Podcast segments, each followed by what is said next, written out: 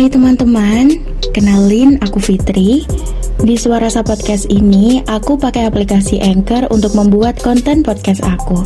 Kamu bisa langsung download Anchor dan buat podcast pertamamu dengan mudah. Selain mudah, podcastmu juga akan didistribusikan langsung ke Spotify loh. Dan by the way, selamat mendengarkan episode hari ini.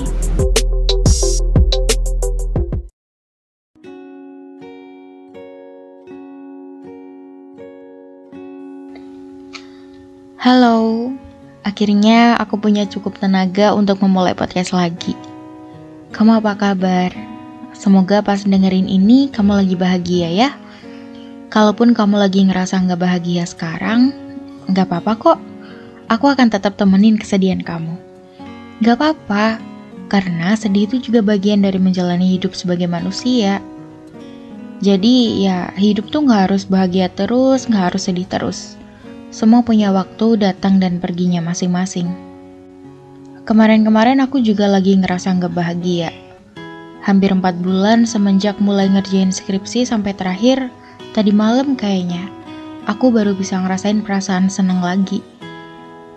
Sebenarnya nggak bahagianya tuh bukan karena aku disakitin sama orang lain sih, tapi kayak nggak tau lah, kayak ngerasa sedih, ngerasa kosong, ngerasa nggak berguna, ngerasa nggak bisa jadi apa-apa. Dan otak tuh isinya malah ngejelekin diri sendiri gitu. Hampir tiap malam aku tuh nangis karena berantem sama isi kepala sendiri. Kayak aku tuh bener-bener lupa gimana caranya merasa seneng, gimana perasaan bahagia. Bahkan selesai sidang skripsi dan dinyatakan lulus, terus kan gak lama tuh jarak ulang tahunku gitu ya itu pun aku nggak ngerasain perasaan apa-apa. Saat orang lain atau teman-temanku tuh bangga dengan pencapaiannya karena berhasil lulus kuliah tiga setengah tahun gitu ya, aku malah ngerasa hampa. Kayak aku tuh kehabisan energi untuk ngerasa bahagia. Aku tahu sih, ini emang mental aku yang bermasalah. Tapi empat bulan ngejalanin hari-hari dengan perasaan hampa dan sedih tuh kayak semuanya jadi pura-pura.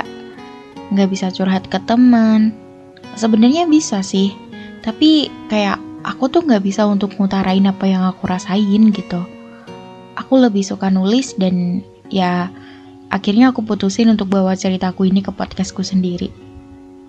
Jadi kalau misal kamu lagi ngalamin hal yang sama kayak aku kamu harus tahu kalau kamu tuh nggak pernah benar-benar sendirian. Kamu nggak ngalamin hal ini sendirian karena aku juga dan pikiran-pikiran negatif tentang dirimu itu nggak 100% benar. Kamu cuma lagi butuh istirahat aja kok. Butuh untuk kenalan lebih banyak lagi dengan diri sendiri. Empat bulan lamanya aku PDKT sama diriku sendiri lagi. Aku tuh ngerasa kayak lagi krisis identitas gitu loh. Jadi aku nggak bisa ngenalin diriku sendiri, nggak bisa ngenalin emosiku sendiri, nggak bisa ngendaliin perasaanku sendiri, Sampai akhirnya tiap malam, tiap mau tidur aku selalu sempetin untuk ngobrol sama diriku sendiri. Semua pikiran-pikiran negatif yang muncul tuh aku catat dan aku cari dulu pembenarannya. Tapi pas lagi nyari pembenaran dari pikiranku itu, aku malah kayak ngerasa lagi dijelek-jelekin gitu sama orang lain. Jadinya aku malah ngebantah, malah jadi nyari sisi baiknya diriku sendiri gitu. Kayak misal aku lagi ngerasa nggak layak untuk dicintai sama orang lain gitu ya. Aku akan tulis tuh kenapa aku ngerasa kayak gitu. Misal aku ngerasa kayak gitu tuh karena aku ngerasa diri aku nggak cantik, karena aku ngerasa aku tuh bukan siapa-siapa, aku bukan orang yang punya value atau nilai yang tinggi. Nah, pas aku bilang kayak gitu, aku malah nggak terima gitu. Karena aku tuh ngerasa kalau aku tuh cantik, walaupun dengan versiku sendiri ya aku ngerasa aku tuh punya nilai.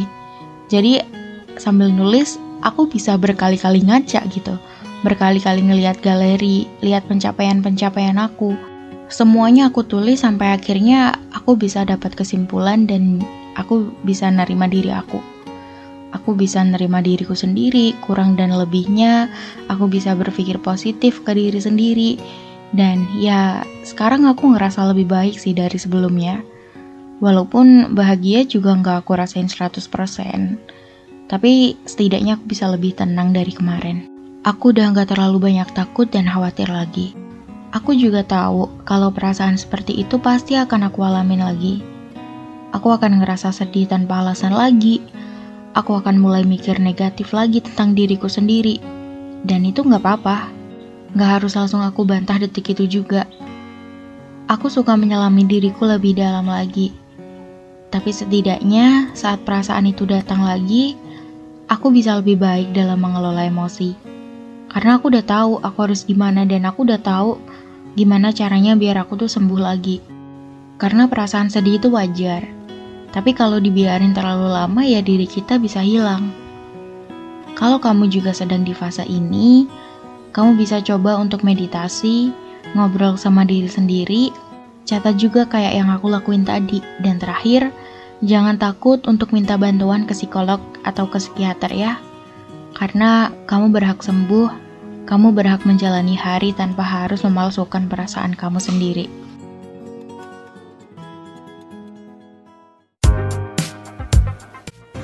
Terima kasih karena sudah mendengarkan. Kalau kalian sedang butuh tempat cerita atau orang untuk mendengarkan, Instagram aku terbuka untuk segala senang dan sedih kalian. Kalian bisa DM ke akun @fitrichrsna dan sampai berjumpa lalu kembali saling menguatkan ya. Untuk kalian yang pengen buat podcast dan mau podcastnya didengerin oleh banyak orang, Kalian bisa langsung download aplikasi Anchor di Play Store atau di App Store. Sampai jumpa di episode lainnya. Goodbye.